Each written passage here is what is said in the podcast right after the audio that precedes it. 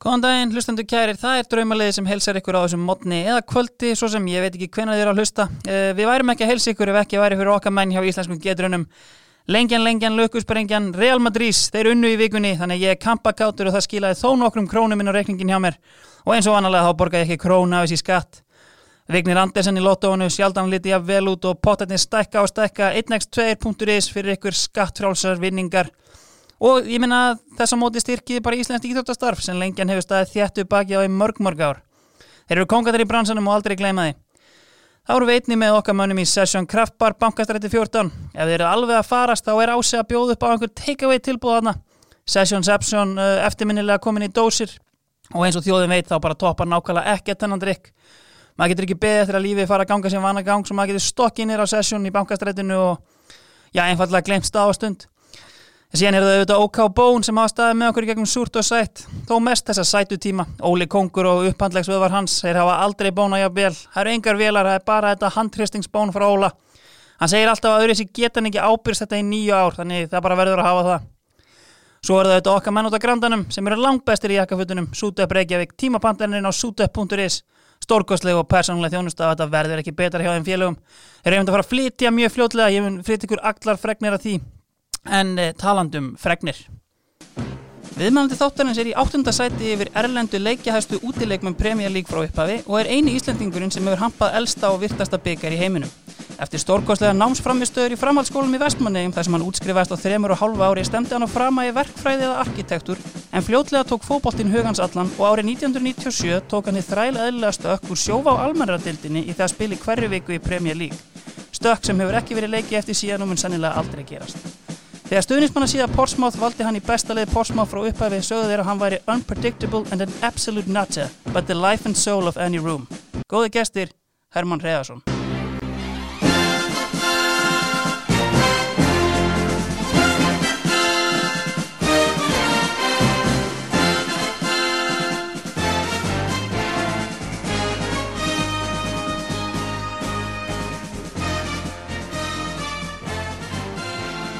Blessaður sæl. Ánaði með þessa hérna, lýsingu frá stuðnismannum Portsmouth vendilega. Já, þetta hljóma frábælega. Já, algjörlega. Er? Herru, ef við byrjum þetta bara alveg á byrjunni uh, ég kom inn á uh, að við erum í bóði uh, Session Kraftbar eins uh, besta bar landsins uh, þú spilar í uh, 15 ári í Premier League og kemur, eða ekki eða, sérst, í, á Englandi og hérna, kemur hérna 97 og næðvæntanlega aðeins í skottið á svona þessari alvöru bresku fótboltamenningu sem að Arsene Wenger síðan svona eidilegur með tíð og tíma. En svona, er það rétt metið hérna þegar ég held svona að Wimbledon hafi verið kannski blöytasti og sá klúpur sem að mest hafi gaman eða taka móralskan? Já, það, það, það er nú þannig líka að, að reyndar að, að klúpar í London þá er uh, búa menn tölvett verðt dreifðara. Þannig að það er ekki það er ekki alveg það þarf að skipulegja það vel. Já, en það voru kannski ákveðna típur hann sem að gerðu meira að því en aðri sko. já, var kannski John Hartson hann í broti fylkingar eða? Já, ég held að sé alveg ótt að segja það. Hann hafi alveg drifið það svolítið áfram eh, en uh, hann var að vísu ótrúlega mikið emmitt sem var, sem var uh, mikill skellu fyrir liðin sem Wimbledon sem að, að ekki mikla peninga en, Nei, og búið að eða náttúrulega miklum peningum í hann hann Já, og algjör líkil maður í, í þessum stíl, leikstíl. Já, Drillo, stjóri og það var bara Route One og, og í sjálfu sér held ég að, að já kannski ásand ykkur um tveim þreimum þá er það besti target center sem hefur, hefur bara spilað fótbolta já, algjörlega Sko, kemur inn að, að London um, Ég meina, fyrstu klúbarnir er eiginlega engangu í London, er það ekki? Ég meina, Brentford og, og Crystal Palace og, og þessir klúbar Fluttir einhvern tíma frá London eða varstu bara alltaf þar? Nei, þetta voru þrjú ár og þrýr mismunandi klúbar og, og bjó á, á svona svipuðum slóðum Mm. þannig að, nei, nei, menn keira bara á milli og, og menn fara alveg upp í einn og hálfan, tvo tíma að koma sér ræðingu En einmitt til dæmis þegar þú fer til Portsmouth þá flytur þú bara, veist, nær náttúrulega, ekkit eitthvað að komjúta bara eitthvað frá London. Nei, þá, ég, ég fer í mildin til Ipswich Einmitt. þannig að þá flutti ég upp yfir og svo Já. aftur til London, Charlton og svo Já, þannig að maður flutti, flutti nokkru sinum algjörlega. Herri, ég fekk þig hérna til að uh, velja þetta lið. Um, Ég menna náttúrulega margir frábæri leikmenn, var þetta erfitt? Já, það, það komið margir til greina, það Já. er alveg á hreinu, maður spila með ansi mörgum og, mörgum topp fótboltamennu, þannig að já, maður ertu svona aðeins að að síja vel úr. Já, við endum á að stilla þessu upp í uh, 4-3-3 uh, Ef við byrjum þetta þá bara, ég meina markmaður, kannski auðvelt val eða hvað? Já, það var, það var svona nokkuð öðvöld. Já, David James uh, spilaði með honum í nokkur ára í Portsmouth og, og hann var sjálfsagt á sínu besta skeiði á ferlinum Einmitt. á þessum tíma og já, hérna hann uh, já, hann spilaði með enskan landsliðuna þessu til okkur vann sér afturinn í liðið og, já, já og var, var alveg stórkostlegur fyrir okkur þessi ár sem ég var með honum Þetta var einmitt sko að því að hérna, hann er náttúrulega, maður áttir sig ekki á því alltaf hvað hann er gamall, að því meina hann er sko keittur til Liverpool sko 91 eða 92 og síðan er þú að spila með hann sko í Portsmouth þar sem hann er að blómstra 2007 sko, þannig að veist, einhvern veginn oft talað um hann, þú veist, náttúrulega mistækur hann á upphafsárunum og þú veist, svona erratic markmaður, þú veist, og oft kannski frekar steiktur, hann steikt típa Já, já, það ólst nú örglega eitthvað á honum en hann er svona, hann er ekki kannski svo allir aðrir en, en ekki frekar en nokkur annar markmaður. En hérna en eh, er rættik, já, auðvitað áttan sem mistök en hann gerði líka miklu meira en flesti markmenn. Já, hann fór út í ekki, ekki 5% af krossum, hann fór út í 100% af krossum, þannig að það, það var var til þess að þetta klikkaði einn og einn og hann fekk svona já, hann var dæmdur harkalega var það. En ég minna að við förum bara alveg í svona byrjunin á þínum ferli. Ég fekk hérna Sigurvin Ólafs fyrir einhverju síðan og hérna og hann var einmitt með því í liðin og, og en hann sagði nú bara svona á yngri árum þá hefði þú nú bara verið gormur út á vinstri kantinum. Uh, hvenær svona, þú veist, virkilega að því ég meina þú lítið kannski í svona yngri landsliðum og svona en hvenær svona, þú veist, tekur þetta á flug að þú hættir við þetta arkitektur draumanna og, og, og ferði yfir í fótboltan svona á fullu. Eh, það er svona það er ekki fyrir 90 og- en 94 spilaði fyrsta heila tímabilið Já, og þá er ég mitt á vinstri kantinum og, og var búin að skora eitthvað mörg og mér sem settur í sendirinn en ég var eh, maður svo sem var alltaf komin töluvert at- aftur á völlin og þjálfur fljótur að sá að það virkaði ekki. En, en svo það er ekki, ég spilaði reyndar í vörninni á elsta ári í öðrum flokki. Já, þá það er eitthvað 93 eitthvað svo 93 Já. þá, hérna, þá er aðeins fara að tókn úr, úr manni. Já, uh, mjög seinþróskað og já, þannig að þá fer ég í vörnina og, og, en, en hljóp mikið með boltan enga síðan En einmitt hérna, spila mest alltaf þeim feril á Englandi í vinstri bakur en sko, varst ekki hafsend mest hérna heima eða hvernig var það? já, það var Svona begja blands kannski? að blands, já, Já. 94 byrjaði á kanti. Ég spilaði síðan ykkur að síðustu leikina í bakverði. Mm 95 byrjaði í bakverði. Verð síðan í hafsendin Já, og var síðan í hafsendinum þannig til ég fer út já, einmitt. Það sem ég finnst líka mjög aðklikisvert svona við einmitt eigjarnar og, og þetta er sko, fyrsta spurningin hlýtur vantilega að vera, er það þórið að týr? það er týr Og ég meina, er þetta bara alveg svona, mér finnst þetta svo skrítið í 4000 manna bæjarfélag að halda út í tvennu yngri flokkastarfi, var þetta svona einhverslega svona heiðursrígur innan bæjarins eða var þetta bara svona götuskipt eða?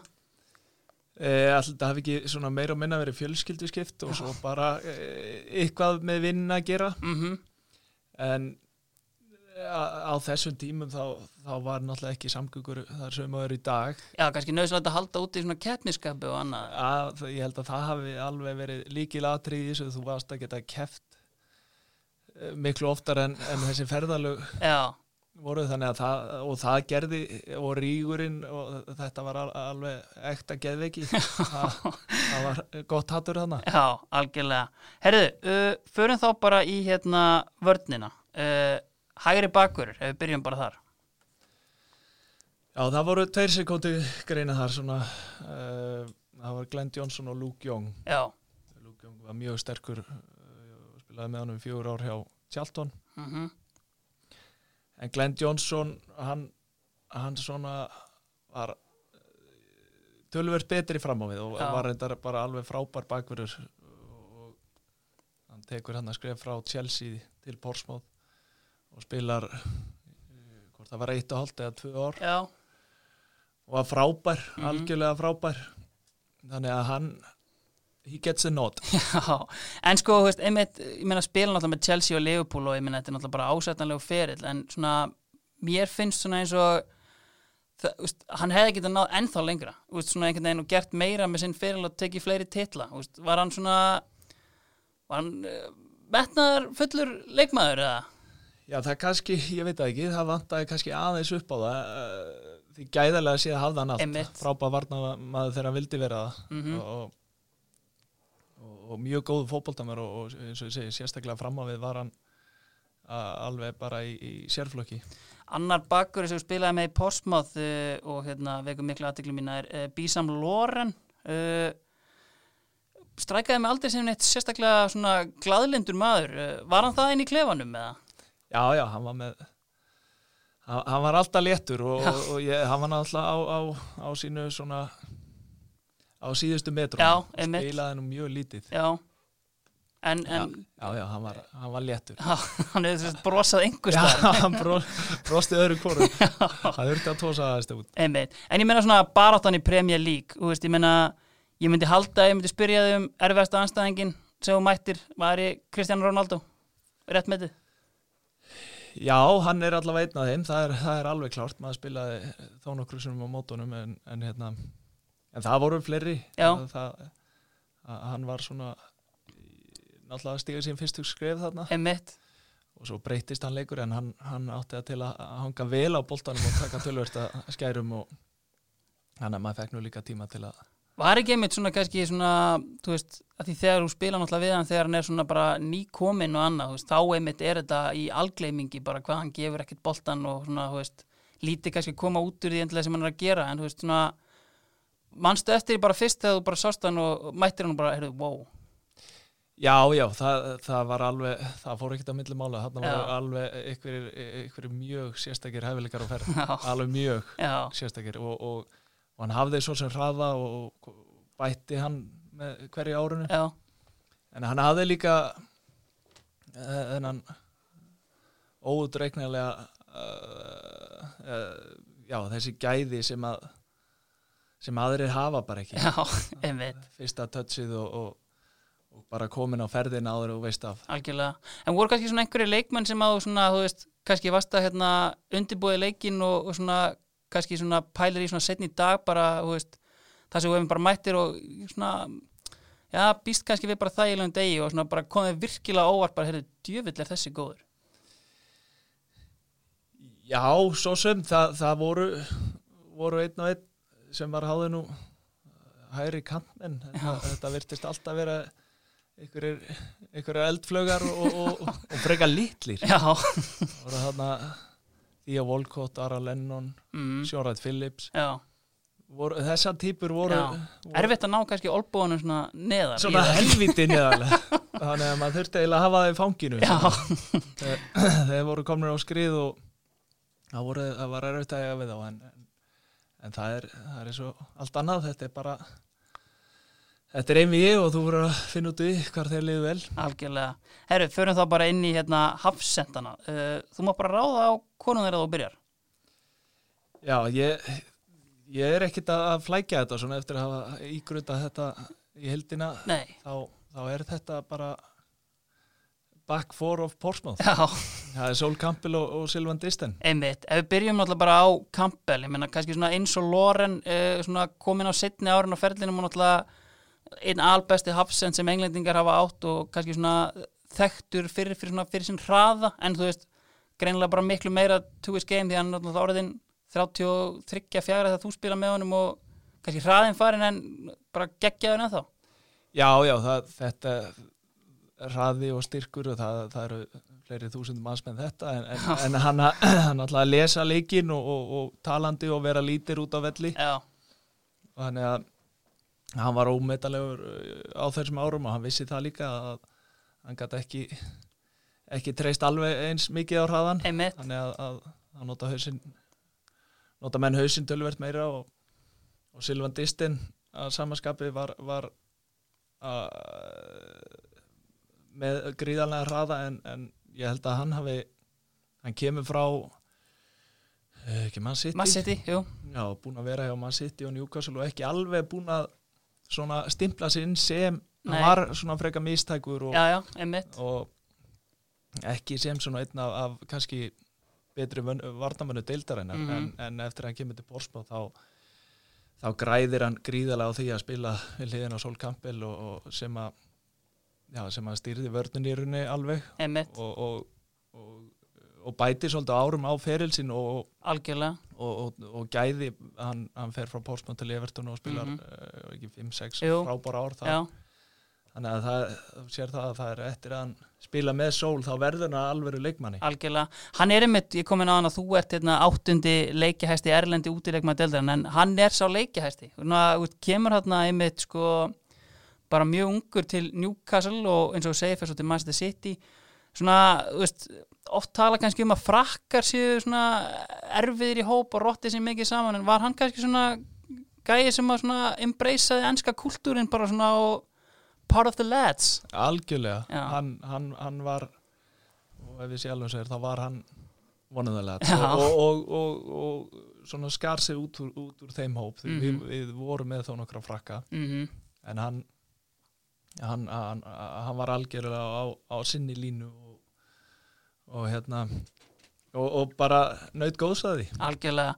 Sko þetta eru margt svona uh, merkilegt hérna, verkefni þetta Portsmouth, þeir koma upp í ennsku deildina 2003 og svona halda sér í deildinni þetta tvö tímabil og en síðan kemur uh, gýðingurinn gett ekki Alexander Gætamak og kaupi klubbin og svona setur hann upp í svona ákveðnar hæðir með leikmannakaupum, hérna, þú ert fenginn síðan koma, risanöfn eins og veist, Defoe og, Krauts og, og aðri leikmann en svona, hvernig er svona að því að síðan náttúrulega hrýnur þetta bara ekki löngu setna veist, var kannski ekki gert nógu mikið að því eins og íslenska ríkistjórnin talar um að fjárfesta í innviðum? Veist, hvernig var til dæmis bara svona aðstæðan hjá þessi liði sem er svona lítið kannski á hann mælikvara Já, það, það örglega ekki eini klúburinn sem hefur farið þessa leið Nei. það, og eins og þú segir með innviðana það er, er gjörsamlega grátlegt að horfa upp á að að hafa verið í, í dildinni í sjö ár, sjö, átta Mhm. ár hana, og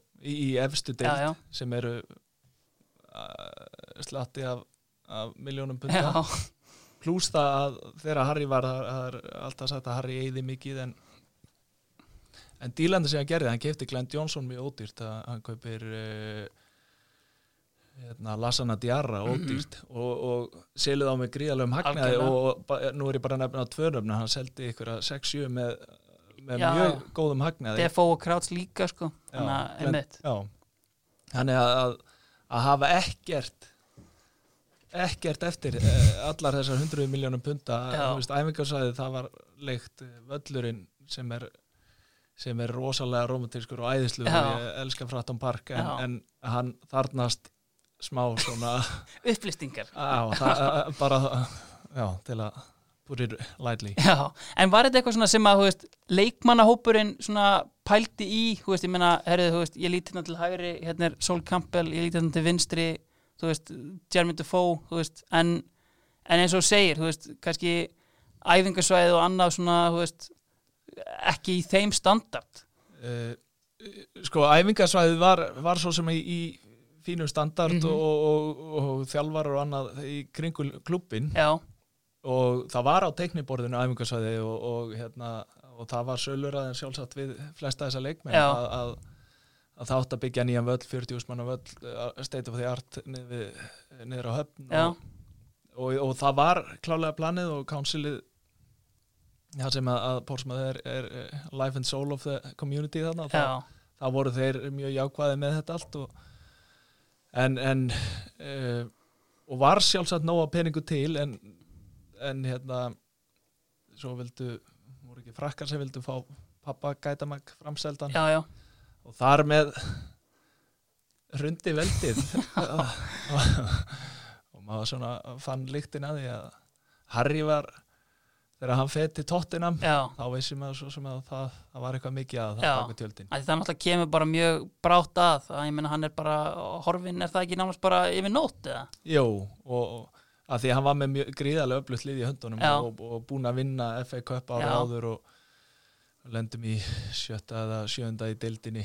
Mm þannig að það hefði verið hægt að gera allu, að, að Champions League alveg klálega einmitt. Og svona eiginlega svekkjandi þetta tíðanbili 2007-08 mm að að í tíu heimaleikjum skorum við ekki mark. Já, sex aðeins fóru 0-0 og og fjórir uh, tapast 1-0 já. Þannig að þú því fjögur mörg í tíu leikjum. Það átt að fá allavega og farið 60 Já. það, það er bara ef við hefum fengið 20 stig út úr því, eða 15 Já. þá hefðum við endað í Champions League og það, Mhm. það er svona grátlega við það en auðvitað var, var, var hérna þessi risa titill sem já, við löndum það var svona sá elsti og virtasti já, það er einmitt svona hérna úst, þetta er náttúrulega þessi eh, ég er United, ég, fyrir ekki, ég er United maður og þetta er þessi ótrúlega leikur hérna í áttalega úrslitunum sem situr ennþá í mér uh, og ég meina síðan náttúrulega að fáið þið bara í fangið, bara væntalega inn í klefa eða eitthvað álíka að, að Chelsea tapar fyrir hvað, hvað, Bradford eða Barnsley. Og þá náttúrulega eru bara eftir hvað, þau tímaði Vapja í undanúrslitum og Cardiff. Já, já, það voru þessi þrjú lið. Þannig að þá svona litum við náttúrulega ákvöndan þetta er bara okkar til að- að tapa, þetta, þetta er algjörlega okkar höndum. Mm og ég meina hvernig var svona undibúningurinn hjá Portsmouth fyrir hennar leik úslita leikin þar að segja? Uh, uh, já, við fórum tvöndum áður á, á, á hótel og, og vorum, já, vorum allir saman mm Mhm. heldum já, nokkra fundin alltaf og, já, já, og bara farið í þessa fínu dítela og svo farið út á borða já, og Harry var búinn að skjóta mér að, að hérna, þessi daginn fyrir leik að ég erti nú að gera eitthvað aðeins að leta svona spennuna í hópnum. Já, þannig að ég tók tók með mér elviskalla á, á, á veitingastæðinu. Elviskallin er helviti flottur þannig að þetta, þetta gekk ágætlega. Þá þurftur ekki að hlusta á mig.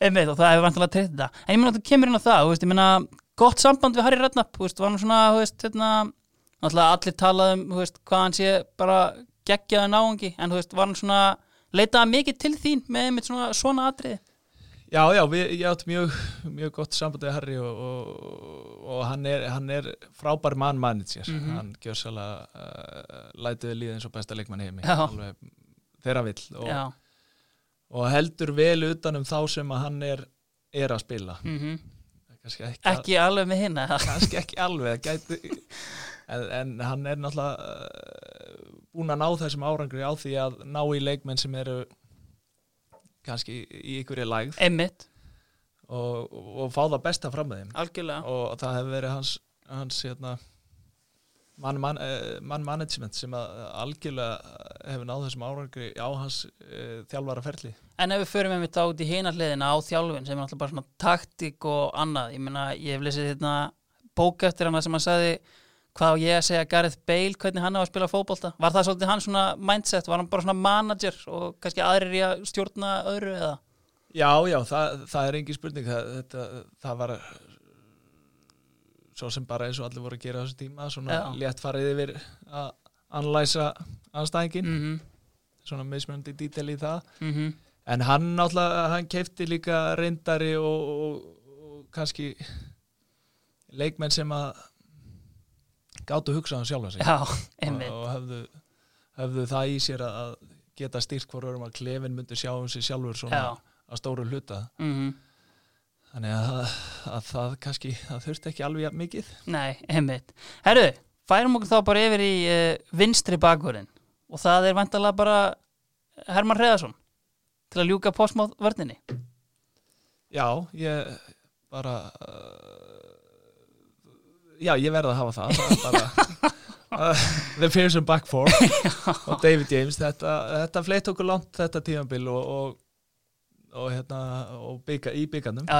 Feng, fáum okkur, eitt mark í Eitt allri kætminni já, það voru fimm leikir, fimm- 1-0 og svo 1-2-1. Já, einmitt þannig að það, það, var, það var svona líkillina velgengni hjá Porsmáð á þessum já, á þessu ári allavega. Algjörlega, sko þegar maður er með svona pælir í þessu og ég hérna, velti þessu fyrir mig þegar þú hérna, saði mig liðið þetta svona, þú náttúrulega hefur ekki oft verið, þú ert eiginlega bara fasta maður í öllum liðum þar sem þú ert, þannig að það eru kannski ekki margir vinstri bakverði sem að þú hefði getað valið úr eða hvað?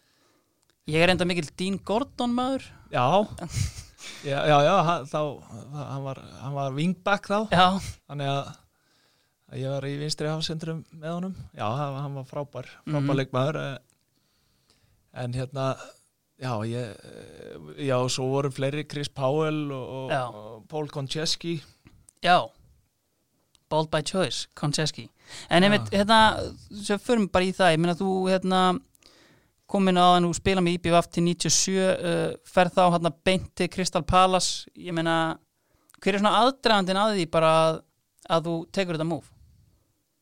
Ég, ég var búinn að fara á trial og, spilaði þrjá leiki, það var í februar eh, eitthvað svo leis Mm. og eh, já, þeir mér nú tilbúð þá. Já, en uh, já, ég var svo sem ekki alveg sáttur við við það tilbúð, þeir vildu býða fram á haust og ég Mhm. kem í frýtt út og já, þannig að ég, ég sagði ég hef mikið áhuga að spila fyrir klubbin en, en ekki að semja þessum fórsendum einmitt þeir til Íslands og skrifundi þryggjára samningu í byrja svo fara þeir, þá voru þeir í tíundasæti eitthvað í, í Championship og enda síðan í, í playoffs og fara Já, já, upp. auðvitað, ok. Og þá þegar þeir fara upp þá hugsaðum við hvað var ég komnir í prem og, og e, en svo bara já, hófust samninga verið aður aftur og, og, og IBF selumi og sitt Góðan pening, góðan pening algjörlega En ég meina, hérna, Crystal Palace á þessum tíma um, sá miklu höfðingi Ron Notes, hann er þarna er hann ekki eigandi Crystal Palace, eða? jú, hann er eigandi Krista Pallas á þessu tíma Mm mm hver, hver var að þjálfa þarna? Steve Koppel Já, hann byrjar með lið sko, um, ég meina þetta svona kannski þið fallið þarna þetta ár uh, en ég meina bara hvernig er að koma úr eins og ég sagði aðan, sjófa á almennradildinu og í Premier League þú veist, ég meina að því það, það er eiginlega ótrúlegt að ég meina þú spilar einhverja tæpa 30 leiki þetta tímabil og bara svona þú veist, ég meina valla, ég meina þú ferð bara í ágúst eitthvað svo leiðis, eða ekki? Jú, jú. Tókst eitthvað prísi með þeim eða? já, það voru bara tvær vikur í mót þegar ég kem út þannig að ja, þetta þurfti ég ekki prísi svo Nei, nei, hérna í deildinni já, og já, bara kynnast hópnum og, og aðstæðum og og svo bara beint í lið Nei, það sem betur fyrir ekki. Ég segi að ég hafði svo sem ekkert farið á leiki í enska boltanum. Nei, og fyrsti leikur er Everton úti og það eru 40 manns og Já. 30 steg hitti og, og því lík stemming þannig, og ég var skjálbrósandi og bara uh, þú veist en að, samanskapið þá þá var maður að, hugsa og að þetta er nú frábært að vera hérna bara til Mhm. að byrja með. Já, beint í hóp og svona en, en það verður nú aðeins skemmtilega að vera inn á vellinum já það leiði ykkur, ég maður ekki, 5-6 leiki hang til ég að fæði sjansinn og, og, og, og ég held síðan bara sætinu. einmitt síðan falla Crystal Palace og, þá tekur já þú bara eiginlega fylgir Ron Notes í Brentford verkefni hans uh, var ekkert annað sem var í bóðið þarna fyrir þig heldur en að fara í League 2 Þetta er örglega skrýtnasta múf sem sögur fara. Hérna, jú, e, það voru ykkur svo sem að snega, ég var ekki með umbósmann eða, og, og var svo sem ekkit að ástæðan fyrir því að ég, ég fer það var Krista Pallas, Mark Goldberg kaupir klubbin Já, já. og, og það fer eitthvað allt á kvolv og algjörlega. Og hérna þannig ég ringdi nú bara Ron Oates og spurði hvað var sniðut og hann alltaf sá sér leika borði. En við vorum góði sem og hann vissi alveg að, ég vildi nú bara koma svona í traustara umhverfi og, en, en stefna væri að, að fara sem fyrst aftur í, í, í, í efstu deild Ron Notes einmitt hérna kaupi Brentford og er hann ekki líka að þjálfa liðið það? þeir voru, nei nei þeir, Hann er, hann er titlaður chairman manager hérna á Wikipedia síðan fyrir þetta sísón hjá Brentford já já, það, kannski kannski er e, vildan halda það en En hann var með þrjá mjög öfluga þjálfara Já. og, einn af þeim Ray Ljungton Mhm. sem ég hafði starfað með hjá Chris, sem var þjálfar, Já. fasting coach hjá uh, Steve Koppel Já, og mér fannst hann bara einstaklega þjálfari og ég hafði bætt mig mikið þennan veitur þannig að, að, að það, var, það var svo stór ástæða fyrir að ég fer í Brentford Já. að, að Ray Lewington var þar að ég vildi, ég vissi að ég, ég myndi bæta mig og vildi æfa eh, undir hans stjórn. Algjörlega. Ég meina í beinu framhald af umræðinu um kannski hennan FA Cup úrstættarleik, svona lengjan okkar helsti styrtaræðli, þeir hafa verið að spurja viðmannandur út í svona eftirminnilegustu leikina frá ferlinum. Og ég meina, ég gef mér að, að þessi leiku komi fyrst upp í höfnin, en einhverju svona aðri leikir sem svona úst, ert heima hjá þér á, á kvöldinu og svona djúlega þessi, þetta var helviti góða leikur.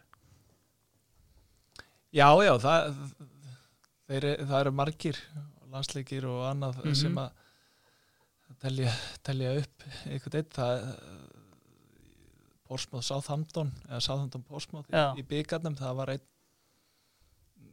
það var eitt ótrúlegasta andrúrslótt sem ég spilað Já, fyrir það það var áhörundur sem sagt áhangendur Portsmouth þeir, þeir horfðu aldrei á völlin þeir, þeir bara beittu sér til liðar og, og, og voru með eitthvað skýtkast í 90 mínútur sko. og, og við vinnum þann leik fjögur eitt það er alltaf svona ekstra sætt að vinna þessar lokal darbís og, og bara upplifa þetta geggjað andrúsloft algjörlega.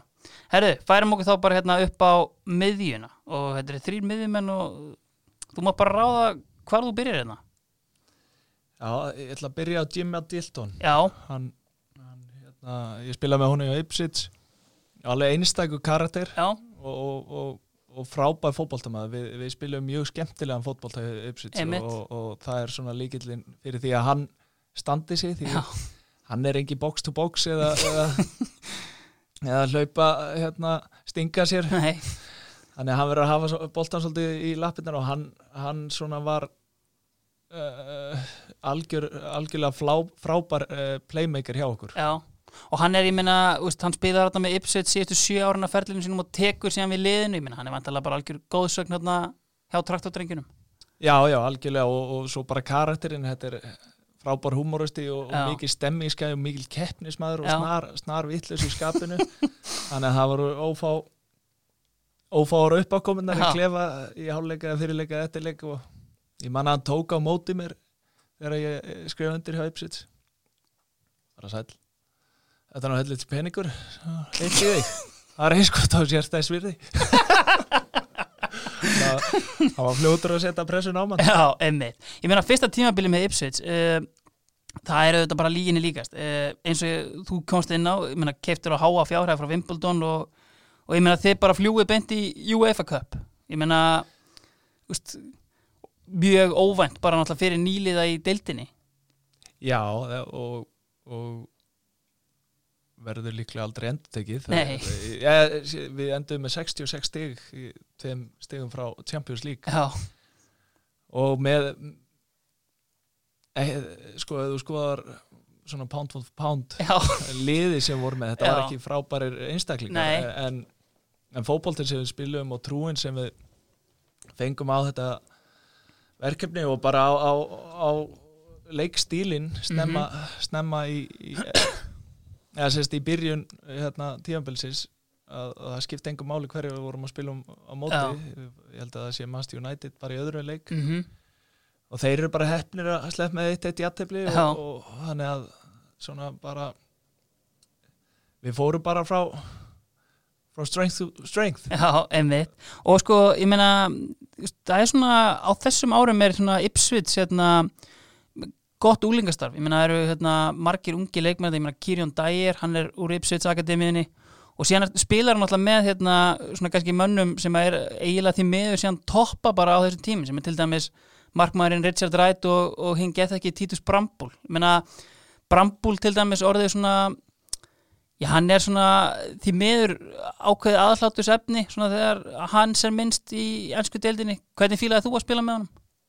Hann var frábær. Þetta, þetta fyrsta ár var, var hann gjörsanlega frábær, 18 ára eh, sko trukkur. Já. hann let sér vaða í allt og, og, og góður í fótbolta og, og, og ég sá, sá svo sem alveg fyrir mér að hann myndi enda hjá einu af topp fjórum og, sem ennskur landslýsmaður alveg klálega mm. -hmm. átjónar á dýra að, að spila og vera þetta konsistent um, heilt tímabil. Já, þannig að, að ég sá sá allt þetta góða í honum. Já, en svo er það náttúrulega með hverju mert að spila og, og Mhm. þú veist, af hverju, af hverju var ekki hægt að fá þetta aftur út úr honum? Einhvern veginn gekk það bara ekki upp, það skipti ekki máli í hvað liðan fór, það var alltaf eitthvað eh, svona skandall á honum. Það var einmitt líka bara svona sem að maður svona horfði á hann á velli og sko algjör trökkur náttúrulega en sko hann lúkaði aldrei eins og hann væri í 100% standi. Hvernig er svona, þú veist án þess að hérna, fara í allt og mikla dýtlega bara svona berað ofan, var þetta sixpack eða var hann, hefði hann mátt aðeins hérna, skafa af sér eða?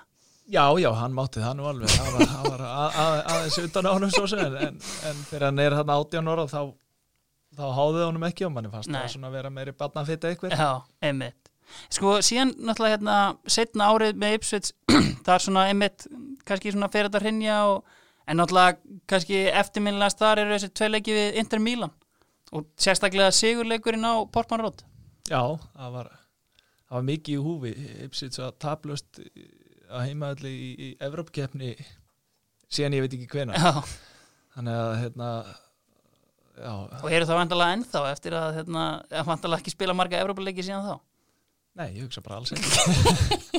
Já, þannig að það var, það var mikið í húfi fyrir okkur allavega að halda, halda andlutinu og, og þessi Evrópkeppni var ótrúlega skemmtilega en, en, en kostaði sitt. Já, það, Já, það, við vorum með freka þunnan hóp. Já,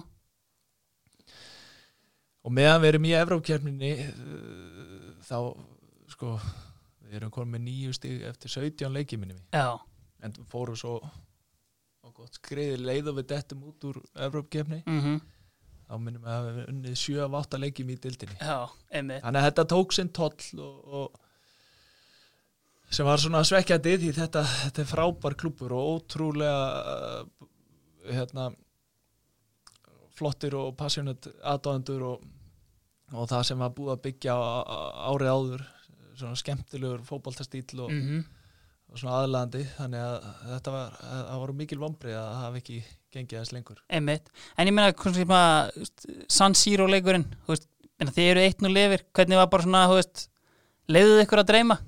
Já, En- já, við ef við mann rétt fórum við geitt nú lifir í úti líka. Uh, nei, ég held reyndar ekki. Ég var eitthvað aðeins að tjekka á þessu. Sko Hector Cooper, þjálfari Inter náttúrulega Hann ákvað bara að ringja í Christian Vieri sem eiginlega bara afgreitt þetta, hann skoraði þrennu held ég. Já, og Ronaldo Alvöru. Já, Eitt, já. Jó, já, þeir voru náttúrulega með svakalega mannskap og svakalega uh, gott lið, bara mhm, eitt besta lið í Evrópa á þessu tíma. Þannig að við, við vorum kátið með sigurinn heima en auðvitað, það getur allt gerst við, það vitað allir sem spila fótbolta og, og þetta var náttúrulega bara stórkostlega upplifun og upplifilsi Hvað með því svona, þú veist, að því að minna þetta er kannski ekki margir Európa-leiki sem spilaðir en svona úst, fannstu mikinn mun á bara, herru, nú erum við allt í einu hérna farinir að mæta, þú veist, svona continental, þú veist, svona mið Európa-leikmönnum, þú veist, Clarence Seedorf hérna dansandi með boltan og annað? Ég maður bara í þess, þessu innvi hérna, það var Kristján Sanetti, Já, hæri bakverður þetta í Hafið Sanetti Já. Þetta er bara besti hæri bakverður allra tíma. Já, Ég, líkti, ég, ég, svona, ég átta mig á því bara þá þegar ég spilaði mótunum. Já, konar svakalegt dýr afslappaður og, og bara svakalegur lítir hann á vellinum og, Einmitt. og hérna og bara, já, þetta er, þetta er eh, klálega langbesti hægri bakverði sem ég spila á og það var, það var kannski fyrst og fremst stað bara, á þessi er á allt verið leveli ágætis leveli En mér að spyrja út í hérna tvo leikmenn frá tímaðum í Ipswich sem að ég hef hérna, mikið áhuga á að, að fara yfir. Það er annars vegar uh, Champions League vinnerinn Finnendi George sem kemur hérna setna sísonið. Hvernig svona hérna, hann náttúrulega er hérna í liðin hjá Ajax 95 sem að vinna mestradildina. Uh, voru mikil gæði í honum? Já, það voru það. Uh, og, gríðarlega vonum bundna við hann. Það, hérna, þetta var það sem kannski árið áður þrátt fyrir þennan góða árangur eh, sem skorti liðið, það var hraði. Mm og hann hafði alveg í abundance og átti að svona brjóta upp Mhm. okkar leikstíl að að geta að verið farið báða leiðir. En, en hann byrjaði alveg svo greifi. Já, svo bara sökkan ég, ég veit ekki hvað gerðist eða eða af hverju það gekk ekki upp. Það, já við sáum það best út úr honum í fyrsta öðru leik og svo bara var það ekki söguna meira. Síðan kannski svipa með annan leikmann sem að ég held uh, ungur árum að yrði alvöru leikmaður og það var hérna Argentínumæður sem fengið á láni frá Inter, uh, Sixto Peralta. Uh, er það bara hérna minnið í mér að maður stú eftir góðum gæðum þar líka? Já, já, það, hann hafði ímislegt en, en svona kannski uh, það sem klikkaði með hann hann, hann vildi hanga á boltanum allt á mikið Já. við, letum boltan ganga mjög hratt Mm -hmm. og, og hann svona uh, hægði töluvert á okkar leik Já, og það, hann hafði gæði, það er engin spurning en, mm en Það sýnir sig kannski því að hann spilaði aldrei eiginlega bara í Európu annað sísón sko, var náttúrulega að mála hérna við Inter og, spilaði aldrei fyrir þá og... en því miður hvarf, ég hef haft gaman að sjá hann einhvers staðar annar staðar. já, Herðu, uh, hver er þá hérna, hver eru með Jim McGilton á miðinni ef við byrjum bara á öðrum kórum? það er uh, Matt Holland sem Já. var með mig líka og var fyrir Leipzig og ég var með hann hjá Leipzig í þrjú ár og svo fjögur ár hjá Tjalton Já, við erum herbyggisvílagar og þannig að þetta er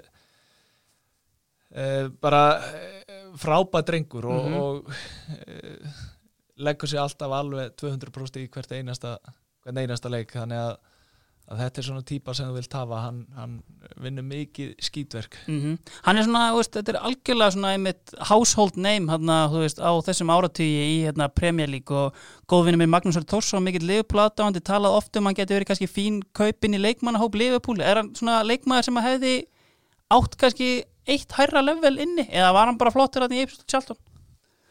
uh, Já, og ég hugsa að það hafi verið svona Hans level. bara hans level, ef ég er alveg reynskil með það þá, þá að, uh, sko ánbolta alveg gríðarlega og í hápressu og í, í, í, í bara djöflagangi á, miðjunni og, og, og gríðarlega hlaupakettu og, og, og mikil barátt í honum. Mm og skila alltaf sínu mörkum. Já, já, og svona drífandi jákvæður karakter þannig að hann, hann var frábær ef við tökum einmitt þetta Charlton tíðanbild, þú ferð uh, frá Ipswich til Charlton, er það ekki? Jú. einmitt, og hérna Körbisley að þjálfa Charlton, var hann ekki bara, þú veist, var hann ekki bara Charlton að mörgu leiti eða? Jú, engin spurning hann, hann gerir þetta svo sem miklu hluta upp á eigin spýtur að Já. draga liðið úr neðri deildum og Mhm. fara með á, á toppin og halda hann þar Mm svo fer þetta svona aðeins aðeins að uh, síga svona í pyrring hjá honum gagvart áhórutum Já, þeir, þeir kröfunar orðna þannig að, að við áttum bara að spila betri fótboll, við áttum að vinna einhverja leiki, einhver liði í premiership. Já, maður er búin að halda, halda liðinu í, í efstu deild í 6-7 ár. Já, þannig að þá, þá sá maður að dróa þess af hana þegar við gerum með að ekki bolton eða Já. 0-0 og, og stöðnismenn bara óður? Já, já, þeir bara púa okkur að og hann, hann er þrjóskur og, og, og, og, og já, var bara mjög fúll og svektur út í, í aðdándu með þetta. Að þetta veri attjútið að, að geta ekki fagna því að að vera bara þarna. að vera með stabilan klúb alltaf búin að tryggja sína stöðu um Mhm. jólin og Já, þú veist þannig að hann vissi alveg hvað þyrti uh, og þurfti til að, að, að lifa í úrvastendinni og gerði það frábælega algjörlega Sko, hérna við af honum tekur Ian Dái er það ekki rétt hjá mér muna? Jú, jú.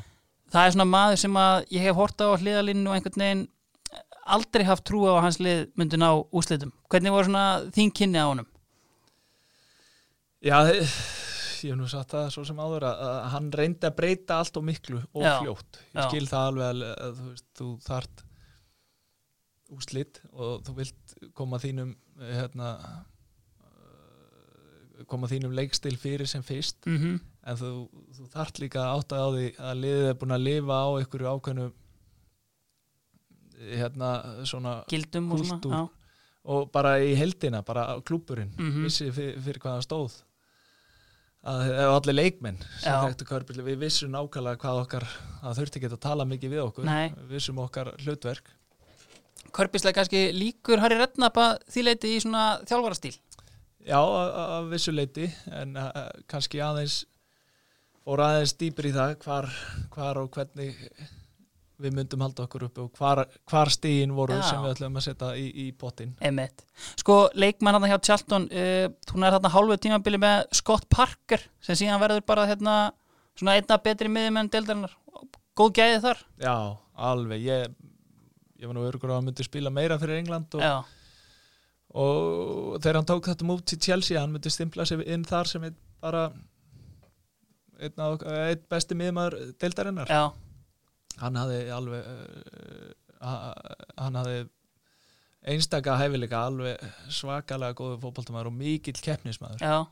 Bara svona, þú veist, einmitt fer hérna í, þú veist, Körbisli talar hérna, þú veist, gaggrínir hann þegar hann fer til Chelsea og annað, þú veist, hann hafi verið hættur að leggja sig fram og eitthvað svoleiðis. Varst þú, var við það hérna undir lokin hjá honum? já, já það sáðu það allir það þurfti ekki að vísa það manni í það Nei, einmitt. nei, nei, hann svona forsaði, forsaði þetta múf á vissan hátt Algjörlega. Annar miðjumæður sem ég hef mikið ekki dálægt á, uh, Danin Klaus Jensen, vikil gæði var alveg og, stór, og svona skemmtilegu leikmaður svona entertainer þá mm -hmm. það að gera hluti sem að sem að kannski aðri get ekki eða, eða vil ekki taka síðan sinna hann, hann, hann spilaði spilaði hjart á sál og, þess að spila fótbolta Skemmtilega gæði. já, frábær, Já. alveg Herru, hver lokar hérna síðan uh, miðjunni hjá hérna Hermann Hreðsni? Það er uh, Suli Muntari Já. Það er einmitt hérna, spilar hérna með þér í Portsmouth og setur þetta eftirminnilega víti á Ríó Ferdinand þannig áttalega úrslutunum. Sko, hann fyrir síðan til Inter þar sem hann svona, kannski spilar minna en meina, vinnur meistaradeldina og veist, bara vel að því komin. já, þetta Já, eh, hann, hann var alveg, hann átti að reynda til að fá rautt spjald en það vissu allir að það var eftir 90 minnir að þeir voru búin að vera í alveg fótboltaleik. Já. hann let ekki neitt frá hjá sér fara og, og að hafa svona keppnismenn sem að láta þetta er alveg ómöndalegt á miðunni og, og það, það er alltaf stríð. Það er ekkit, elsku mamma. Kom þér eitthvað svona, þú veist, að því svona, þú veist, í gegnum tíðina kannski, þú veist, kom þér á óvart að, þú veist, Inter hefði hringt í hann bara eitthvað, en þú veist, þú veist, kannski náttúrulega veist hann er góði leikmaður en kannski þetta stökk kannski eitthvað sem að þú sást fyrir. Já, hann var og, ég, já, já, algjörlega því þegar þú hefur þessa, þessa hefileika sem hann bjó yfir og, Já. og pluss þetta keppniskap og svo var hann alltaf glaður Mm og jákvæður þannig að þetta, þetta er náingi sem að þið geta plumma sig í hvaða liði sem er í Evrópu, toppliði. Einmitt fyrir líka bara kannski að snött bara í einmitt uh, sambarilega sálma uh, spila náttúrulega með Lassana Diarra hjá Portsmouth og hann fer hérna til Real Madrid. Já, stökk ekkert á því brún þá eða var þá svona, jæja? Já ég, svo sem bara það að Chelsea og Arsenal voru búin að pröfa hann. Einmitt, og, og þegar maður spilaði með honum þá áttaði með á því hvað, hvað það var. Hann, hann svona, svolítið svipaður okkar manni per alltaf já, hann hjekk allt og lengi á boltanum Já. og, svona klappa hann á mikið og, og þú veist þetta, þetta var þreytandi. Já. og í toppliðum þegar hlutum þurfa að gera straðar Mhm. og, og þá hafi gæðin í það en, en ef heilurinn ekki alveg á, á sama stað eða alltaf bara spila þinn leik þá, já, já, þá, þá verður alltaf eftir sem að var raunin í, öllum stórklubum sem hann spilaði hjá. Hann enda alltaf í bakverði þannig að þá spilar bara ekki. Einmitt en hann alltaf á fínasta feril fínasta mjög góðan. En þú veist, kannski svona töluðum á hann svona frakkana, ég get alveg ímyndað mér að hann hafi verið svona ekki kannski mikið one of the lads meira bara í frökkum og franska hópnum. Já, já, þetta uh, not my cup of tea Nei, enga veginn. Nei, en síðan einmitt hérna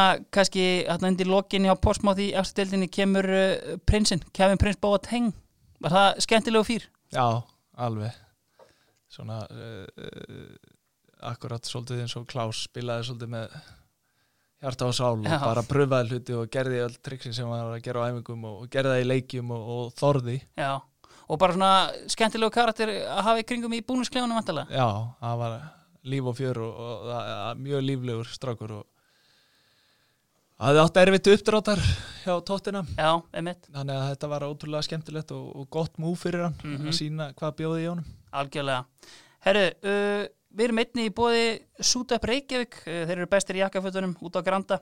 Sko, Herman, var það einhver tíman á ferlinum sem að þú uh, kannski varst inn í búnisklefanum og einhver leikmaður lappaði inn og þú hugsaðir, í hvað í anskotanum er þessi maður klættur og hann kannski gerði það ítrekka bara svona verst klætti leikmaðurinn frá sem þú komst í kynni við á þínu ferli?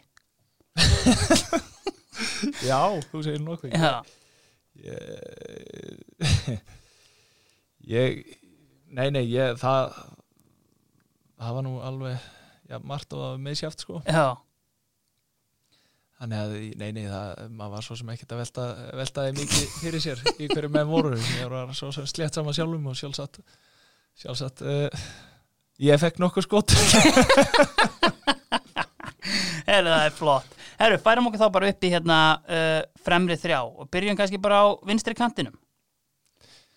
Já, það er uh, er enn eitt pórsmannmaðurinn og hérna, Nick á Krankjar ég, við áttum skemmtilegt samstarf það En það hefur vantarlega verið þá meira þú í vörðinu og hann í sókninni þar sem hann spilaði afskaplega litla vörð Já, ég gerði hann líka grein fyrir, ég verði ekki að stressa því, ég get, ég get alveg tekið bakurinn líka, verður ekki að flækjast þetta fyrir mér, en þegar ég er búin að vinna boltan þá bara verður klár. Einmitt, sko, þú veist, alvöru gæði. Ég er hérna mikill aðdáðandi og náttúrulega hans helsti aðdáðandi er náttúrulega Harry Redknapp sem kaupir hann þrísvar sinnum. Sko, en hérna var eitthvað svona ábyrrandi sérstætt samband á milli þeirra, svona sem að, þú veist maður, þetta er bara svona aðteglisvert kaupa hann þrísvar Já, já, he- Nico bjó yfir þeim hæfileikum og, og gæðum að, að að hann var svona, hann gatt unlockað varnir eða, eða var svona mattsvinnir. Já, Þannig að hann sagði nú oft bara áður en við fórum út. Nico, just do your magic for me. Þannig að, þú veist, hann, hann var gaurið sem átti að búa til og, og vera þessi kreatív gæði sem að, að myndi eh, svona spurja spurninga á anstæðingin. kreatífur inn á vellinum en svona virkaði svona oft svona hæglátur og hérna, svona kannski lítill í sér er það rámt með því hjá mér? Já, bara svona róleg. Já.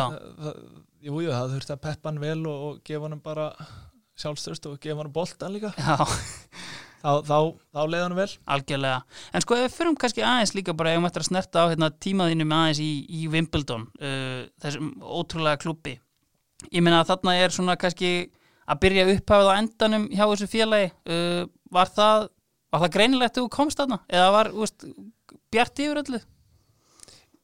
Ég kemur reyndar þegar, hvað, ég man það ekki alveg, 10-12 leikir eru búnir og, Já.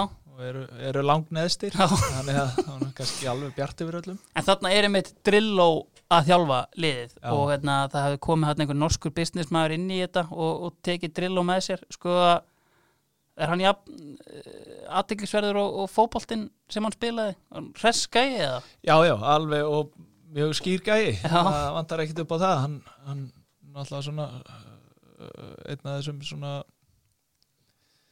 hvað segir maður, brautriðendum í, í, í analyzing og, Já, já. og, og, og fór, fór leið eftir stats, Já.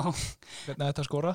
En hvernig hérna einmitt tóku bara svona, svona veist, sterkur breskur kjarni þarna, voru menn alveg að kaupa þetta veist, hjá honum eða? Nei, það var það sem svona fór kannski ekki alveg nógu vel í mannskapin að þeir voru ekki alveg að kaupa þessa leið að þetta væri svona rosalega dærekt að, að, að mætti bara alls ekki gefa boltan inn á miðjuna eða, eða á neinn svæði sem að geti eitthvað úrskeiðist þannig að, að það voru ekki allir samanlega svo og það voru svona smá klíkur sem að, og sérstaklega kannski þeir sem voru eins og eins og gerist og gengur og að, að voru ekki alveg inn í liðinu Já. svona eitthvað starf inn og út og þeir fóru svona aðeins að, að grafa undan kallinu segja verið ótrúlega mikla virðingu fyrir. Mhm. og, og, og þú veist þetta var óskup einfalt og mjög skýrt. Já, og, og klálega árangursríkt hjá, hjá Noregi. Já, en, en hann var líka uppi með það að, að, hérna, að, að John Hartson var þetta mikið mittur þetta já. tímabili, hann var algjörlega líki leikmaður í þessu leik, leikstíl. Finnst þér einmitt að koma inn á hann bara, þú veist, ég veist, skemmtilegu gæi.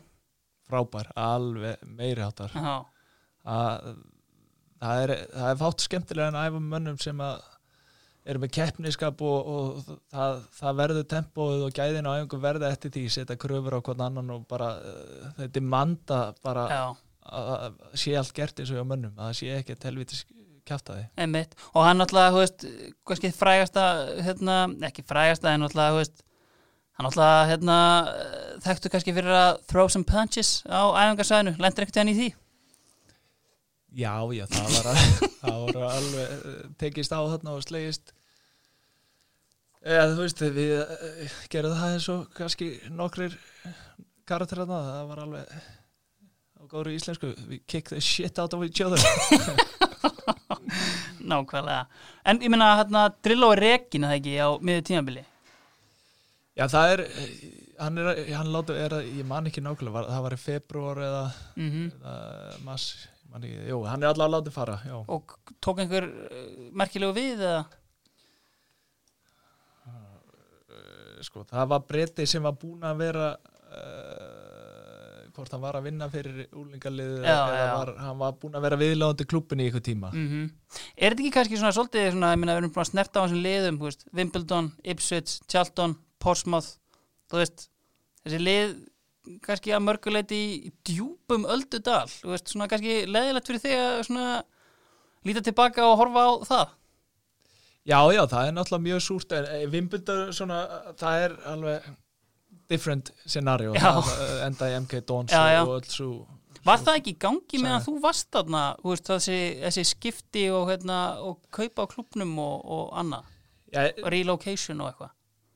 Nei, já, jú, ykkur er svona baróta með það ég, ég fer, jú, það er bara byrjunin á því þegar þegar í raunni e, rökk eða norm, normaður Já. selur klubin aftur já, einmitt.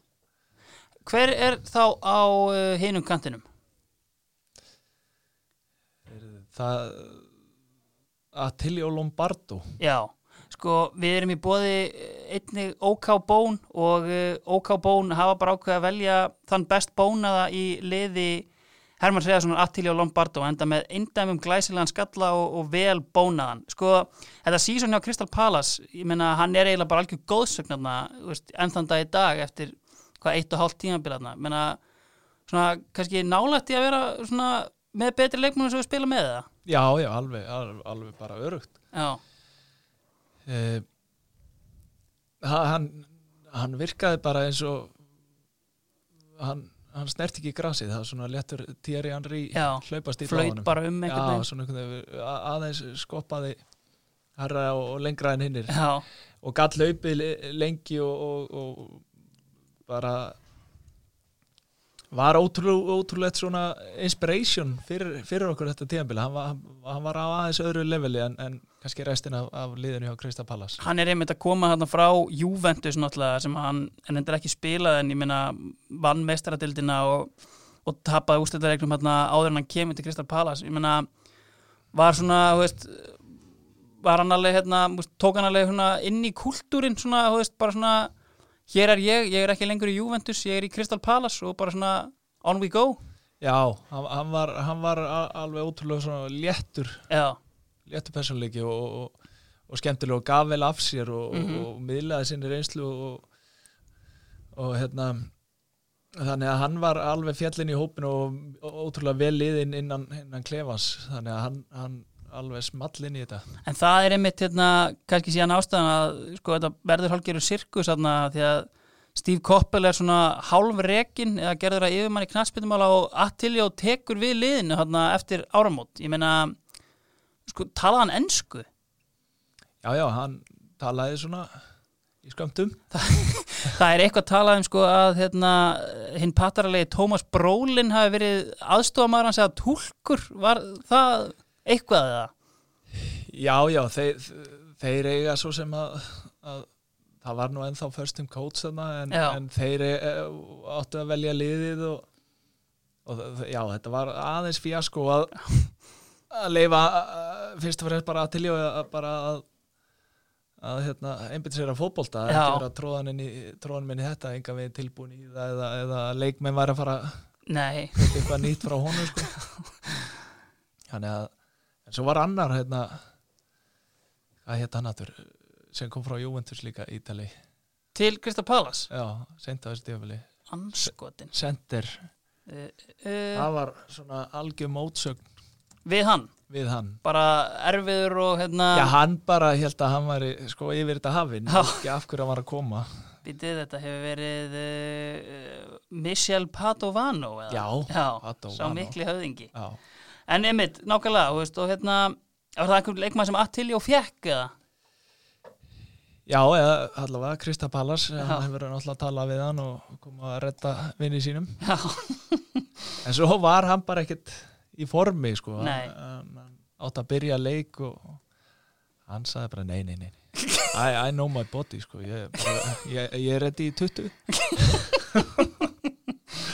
En einmitt hérna, þú veist, kannski eins og kemur inn á, kannski svona, þú veist, einmitt út að gera þetta manna þjálfara sem hefur rauninni ekkert þjálfað og hérna, og í rauninni kannski taka besta leikmannin þá frá liðinu, þannig að þetta var kannski bara dauða dæmt. Já, þetta var uh, tölvert örgulega vanhugsað eitthvað desperation að, að því hann var vel liðin hjá aðdáðundum og, Mhm. og, og í klefanum að, að hugsa að fá eitthvað skútustýrið sem að já, allir geti keft sig inn í eitthvað en það kannski það er ekki nóg nei, nákvæmlega.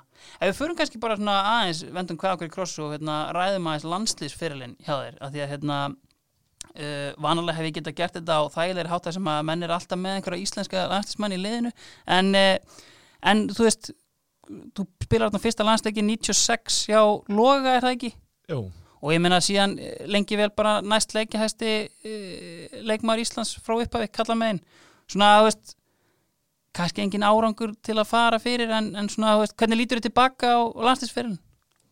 Já, ég er náttúrulega bara gríðalega stoltur að, að, að hafa verið svona einn af að hluti að liðinu í, í, í 15-16 ár Mhm. og, og, og ég veit allavega að ég fórnaði mér í hvern einasta leik sem ég spilaði fyrir, fyrir hérna, Ísland og, og kom, kom í eh, alla leiki og spilaði leiki Mhm. mm þannig að það maður fórnaði sér alveg fulla mótor í þetta og En hvernig einmitt svona þú kemur inn á það, var það mikil barátta oft við sem varst með á Englandi, svona, hvað ætti að fara í þetta?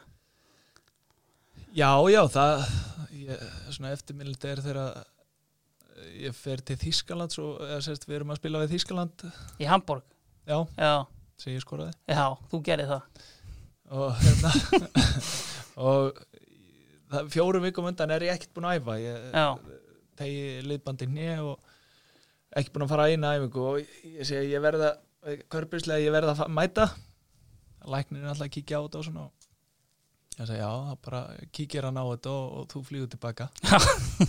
Þú ert ekki að fara að spila leik ég leiði, ja, öruglega ekki og svo, svo segir hann Hörðu, ég ætla bara að segja það ef þú spilar hann leik þá kemur ekki hérna aftur. Hann leitur ekki sjá andlitaður hérna. Það er bara út, út úr kortinu. Já. Og ég er náttúrulega spilaði leiki Og hvernig voru hérna móttökuna þegar þú komst tilbaka? Þú Já. spilaðir allan og slatta eftir þetta? já, já, já, Já. já, já, já ég, ég kem tilbaka og, og hann var örgulega í sjálf sér fegin að ég sérst, me, meiðist ekki Já, eða, einmitt. eða þetta uh, já, kom ekki bakslag í þetta Og kannski einn bara meira pyrraður fyrir þína hönd að þetta mark hafi verið dæmt af? já, já, hann, hann svona reyndi að halda andliti og, og horfði á mig grafalur og og hreisti hausinn sagði svo að drulla mér í æfingagalna En svona, þú veist, kannski ef að hérna, ef við gerum þetta upp, bara svona, þú veist, hver er besti leikmæðin sem spilaði með í íslenska landsliðinu? Það er margir helviti góðir náttúrulega, þannig að það er uh, Rúna Kristís hann klálega einn okkar al, albesti miðjumæður það Mhm. er uh, alveg og ég held að það viti það allir Já, algjörlega. var í, í, í miklu sérflokki og bæði spyndikitt og tækni og, og, og, og frábæð típa alveg Mhm. einstakur karakter í klefanum og, og jákvæður og, og, og mikill kempismæður Hvernig var að koma inn í hópin síðan hérna 96 sem að hérna, þú veist, varstu bara strax mættur að ráðast á menn og hérna, og, og láta finna fyrir þér eða svona, erfitt að koma inn í þennan hóp? Já, maður var náttúrulega gríðarlega stoltur að, hafa fengið kallið þannig að ég held að það hafi bara einhvern veginn glemst í því að, að maður vildi náttúrulega bara sína hvað maður gæti og, og reyna að impressa sem flesta á, á æfingu og, og þjálfaran og mm svona reyna að stimpla sig eitthvað inn algjörlega. Herri, ef við lókum þá bara liðinu, uh, ertu búin að ákveða hvernig þú ætlar að hafa upp á topp? uh, Já, ég ég ætla að hafa ég ætla að hafa Heiðar Helgusson Já, þarna hefði kannski verið fullkomna segmenti mitt inn í íslenska landslið. Fyrst þú sagði Já, Nei, ha- eh, talandi um target center maður Já. hefur spilað með nokkrum mjög öflugum, Kanu uh, einmitt. náttúrulega þú verður að setja í lappinnar á hann sko, það var ekkert að slást eitthvað mikið en, en uh, eða fór í lappinnar á hann þá var engin að taka hann á hann það var örugt Mm svo varstu með John Hartson og, og hérna, Heiðar Helgu sem eru uh, álíka að það er, þú setur hann svona hálfslagan bolt eitthvað en Hann er eldur og skallar áfram Já En ég veit, þetta er náttúrulega, haugur af framherjum sem við spila með sem að hafa gert það gott. Ég meina, Ipsveits ævintýrið það er náttúrulega Markus Stjúart að leiða línuna. Hann gerði reyndar ekki sérstaklega mikið eftir þetta.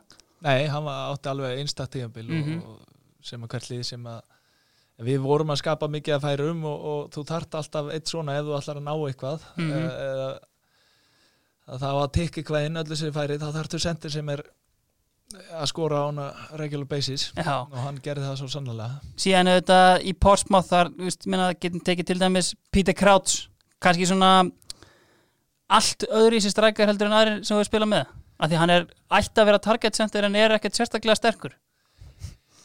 Nei, nei, hann er, hann er frábær sendir og það Já. sem er, kannski fólk eh, að því hann er svo stór þá eigi hann bara að vinna, vinna skalla og annað inn í teg en, en svona moment hjá Peter Crouch er alveg í sérflöki það er, það er ástæðan fyrir því hann losa sig undan mönnum og, og hérna og hefur, já, er, hann er búin að skora eitthvað með skalla.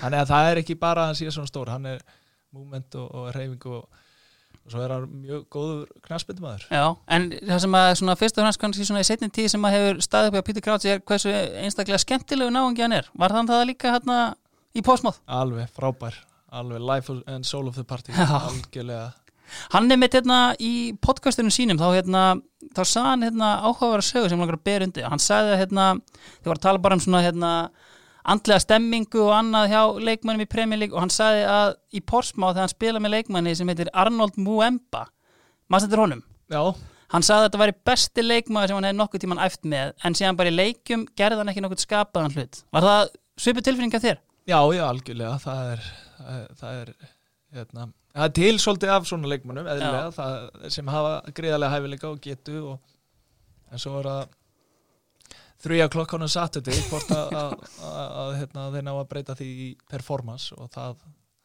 það hérna, En alveg góður, Muemba. já, geggjaðu leikmaður. Já. Síðan kannski hérna, svo ég haldi áfram að baunaði strækjarum, uh, kannski svona consistent sko skorari sem spilaði með Darren Bent. Já, alveg geggjaðu strækjar og, alveg bara með nefið. Já, ekta sendir skoraði með poti og svo var hann eldfljótur og, og, og, og aftur öflugur í loftinu mhm. í tegnum algjörlega. Herru, en ég meina heiðar þú veist, bara svona hérna gæði sem að hérna, er ekki mikið í sviðsljósinu og, og kaupir sér bara kvóta og fyrir að mála þennan klára fyrirlin, bara svona alvöru topp karakter. Já, já, enn og aftur topp karakter. Mm þú veist að hann er komin í skýrstinu út á völl að þá er stríði í 90 og, og hann áttur að láta menn finna fyrir því. Þannig að, að svo erum við með blöða kantara þarna að, að hann fær sín færi og það er frá alveg eh, einstakur liðsmaður. Já, gott uh, án bolta er hann ómetalegur þegar hann er að djöblast í varnamönnum og, og, og ger, gerir öllum lífi leitt í kringu sig í 90 myndu, það er örugt algjörlega. Herru, við förum þá bara yfir þetta. David James er í markinu. Uh, bakverðir Herman Reðarsson og Glenn Johnson. Hafsendar Sol Campbell og Silvan Distan. Á þryggjumanna miðju Matt Holland, Jim McGilton og Sully Montari uh, kantmenn Attilio Lombardo og Nico Kranzjar og upp á topp Heiðar Helgusson Þetta geti verið uh, FA Cup eða UEFA Cup æfintýri held ég með þetta leið. En svona hérna ef við bara örstnögtum bara svona almennt um fyrirlinn sko ég er mikill áhuga maður um treyjur. Stundaður mikið svona að skipta á treyjum og áttu gott sapn heima. Já, ég á eitthvað, ég var, var ekkert sérstaklega dúlegur í þessu að, að, hérna, að vera búin að fautast í ykkur 90 metrum byggja svo skýrtuna en uh, já, ég Einhver svona einn treyja sem hérna kannski ert með upp á vegg eða eitthvað svoleiðis? Eða er þetta bara allt í kassa? Nei, já, þetta er, í augnumblíkinu er þetta nú bara í kassa, sko. Já, Já, já, það er, það er hérna, Ryan Giggs, það er Já. svona einn af mínum uppáhalds allra tíma í, í dildinni.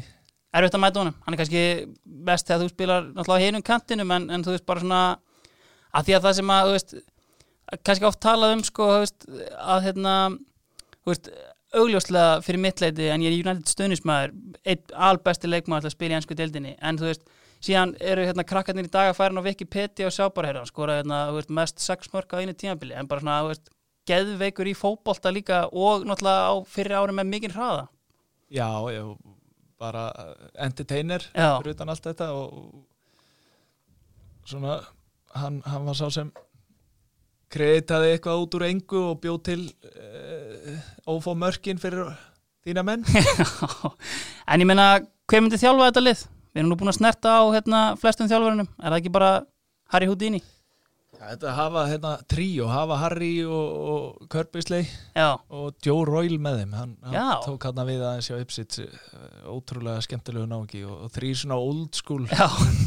Ekkert kjaftaði nei, belsku mamma. Já En einmitt það sem just, stendur upp úr kannski svona, ef við tölum um þjálfarna er sko George Burley sem, ja, stendur ekkert upp úr, hann, svona, hann er stendur svona, sker sig út úr að því hann svona einmitt spila kannski öðru sér fótbolta. Uh, Kieran Dyer hefur talað um að hérna, uh, complete lack of balls. Þú veist bara svona vantaði einhvern veginn svona hreðjar að hans mati og hann náttúrulega hann lendi eitthvað upp á kant við hann en svona hver á þín, þín kynni af George Burley í þessu samingi Eh, það var allavega ekki þegar ég var þarna þá, þá var hann mjög vel liðin og, Mhm. og, og eðlilega liði spilaði skemmtilega fótbolt og náði árangru og náði í úslit þannig að, að og við keftum okkur allir inn á eða hann seldi okkur þessa hugmynd að, að þetta verði liðin fyrir okkur að, að halda okkur uppi og, og, og ná árangru í deildinni. Mm algjörlega. Og það, það virkaði þannig að það var aldrei neitt. Það hefur verið eitthvað annað hjá þeim mm. kannski bara kannski bara síðan svona örstnögt bara svona, hvernig er lífið í dag á Englandi í þjálfuninni, Southend? Já, það alltaf sé ekki svipað hjá mér og, og flestum öðrum. Já, já svona kannski ekki alveg í dag en svona, hvernig er tímabili búið að vera og hvernig er þetta að ganga? Eh, Þetta, þetta er svona uh, kringustæður kannski ekki alveg að hjálpa okkur. Nei, uh, Við tókum við liðinu þegar, ég maður ekki, var ekki fjögur eða fimm stig eftir 15 leiki. Já, Þannig að þetta var alltaf að vera að brekka og, og svo átti nú að, að vestli eitthvað í janúar en, en það fór sem fór. Nei, já, þannig að við gáttum ekki tekið inn, inn en, en sel, uh, seldum tvo leikmenn og svo voru fjóri látni fara. Og svo er eitt fótbrotin, einn úr axlalið, einn handlegsbrotin þannig að, að hérna, þetta er orðið hál- hálfgert úlinga lið já, en þetta er alltaf ég gaman að vera út á æfingasæði og, og, og, og bara vera í þessari ringiðu það, það hérna, þetta er svona kennst, kennst ekki nærði en, en, en við höfum svo sem fengið mjög gott út úr liðinu. Að ná í svolítið stigum og, og, og gera þetta erfitt fyrir alla það sem þetta ætti. A, já það sem liðið er helvið dungt hjá okkur. Ég meina þetta er þú Sol Campbell og er ekki Andy Cole hana líka? Jó. hvernig er svona, þú veist, þrýr, þú veist, ef ég meina, þú veist stórkostlegi leikmenn úr Premier League, veist, er hérna eru drengirnir starströkk á, á æfingarsvæðinu að, ég, ég hugsa að þurfa að googla þetta? Nei, nei, ég, að sjálfsögðu þá þá hérna eins og Andy Cole þá eru menn að eiga að hann, hann segir alveg sína skoðun og er, er ríkalega hress og og, Já. er meira og minna með sendirina mm þegar hann kemur og, og en að öðru leiti þá, þá eru menn bara einbytta sér að sínu að fótbolta og vita svo sem að, að, að menn spiluðu fótbolta áður Já, en svona, þú veist, er erfitt veist, hvað deildir þetta áttur? League One Já, þú veist, er erfitt fyrir kannski svona, þú veist, menn af þessum standard, þú veist, sem spiluðu leikin á hæsta leveli að, að því maður kannski stundum heyrt um þjálfara sem að, þú veist, einhvern veginn svona, veist, eiga bara svona erfitt með, veist, gæðaleysið kannski ákveðinu liti. Hafið eitthvað upplifað það? Nei, nei, það, það er svona þegar, þegar þú fer neðar í, í deildina þá, þá er það eðlilegt, þannig að það er Mhm. ekkert, það er alveg skilningu fyrir því og, og, þú veist, það, er, það eru svona, hægt að segja það, að- það eru tveins konar leikmenn, það er athletes Já, eða fótboltmenn já, eða eru bæði þá er ég stild að því allir í dag eru náttúrulega allir athletes þannig að það komast ykkur upp með að vera aðeins aðeins þingur á sér en, en kannski hafa fótboltaheljan og þeir sem eru meiri athletes að vanta þá kannski upp á gæðin en, en það er reynda að mixa þessu vel saman. algjörlega. Herru, ég held við séum bara tændir, bara Herman þakka þér kellega fyrir komuna Takk fyrir mig og þið voru að draumalið í bóði lengjunar.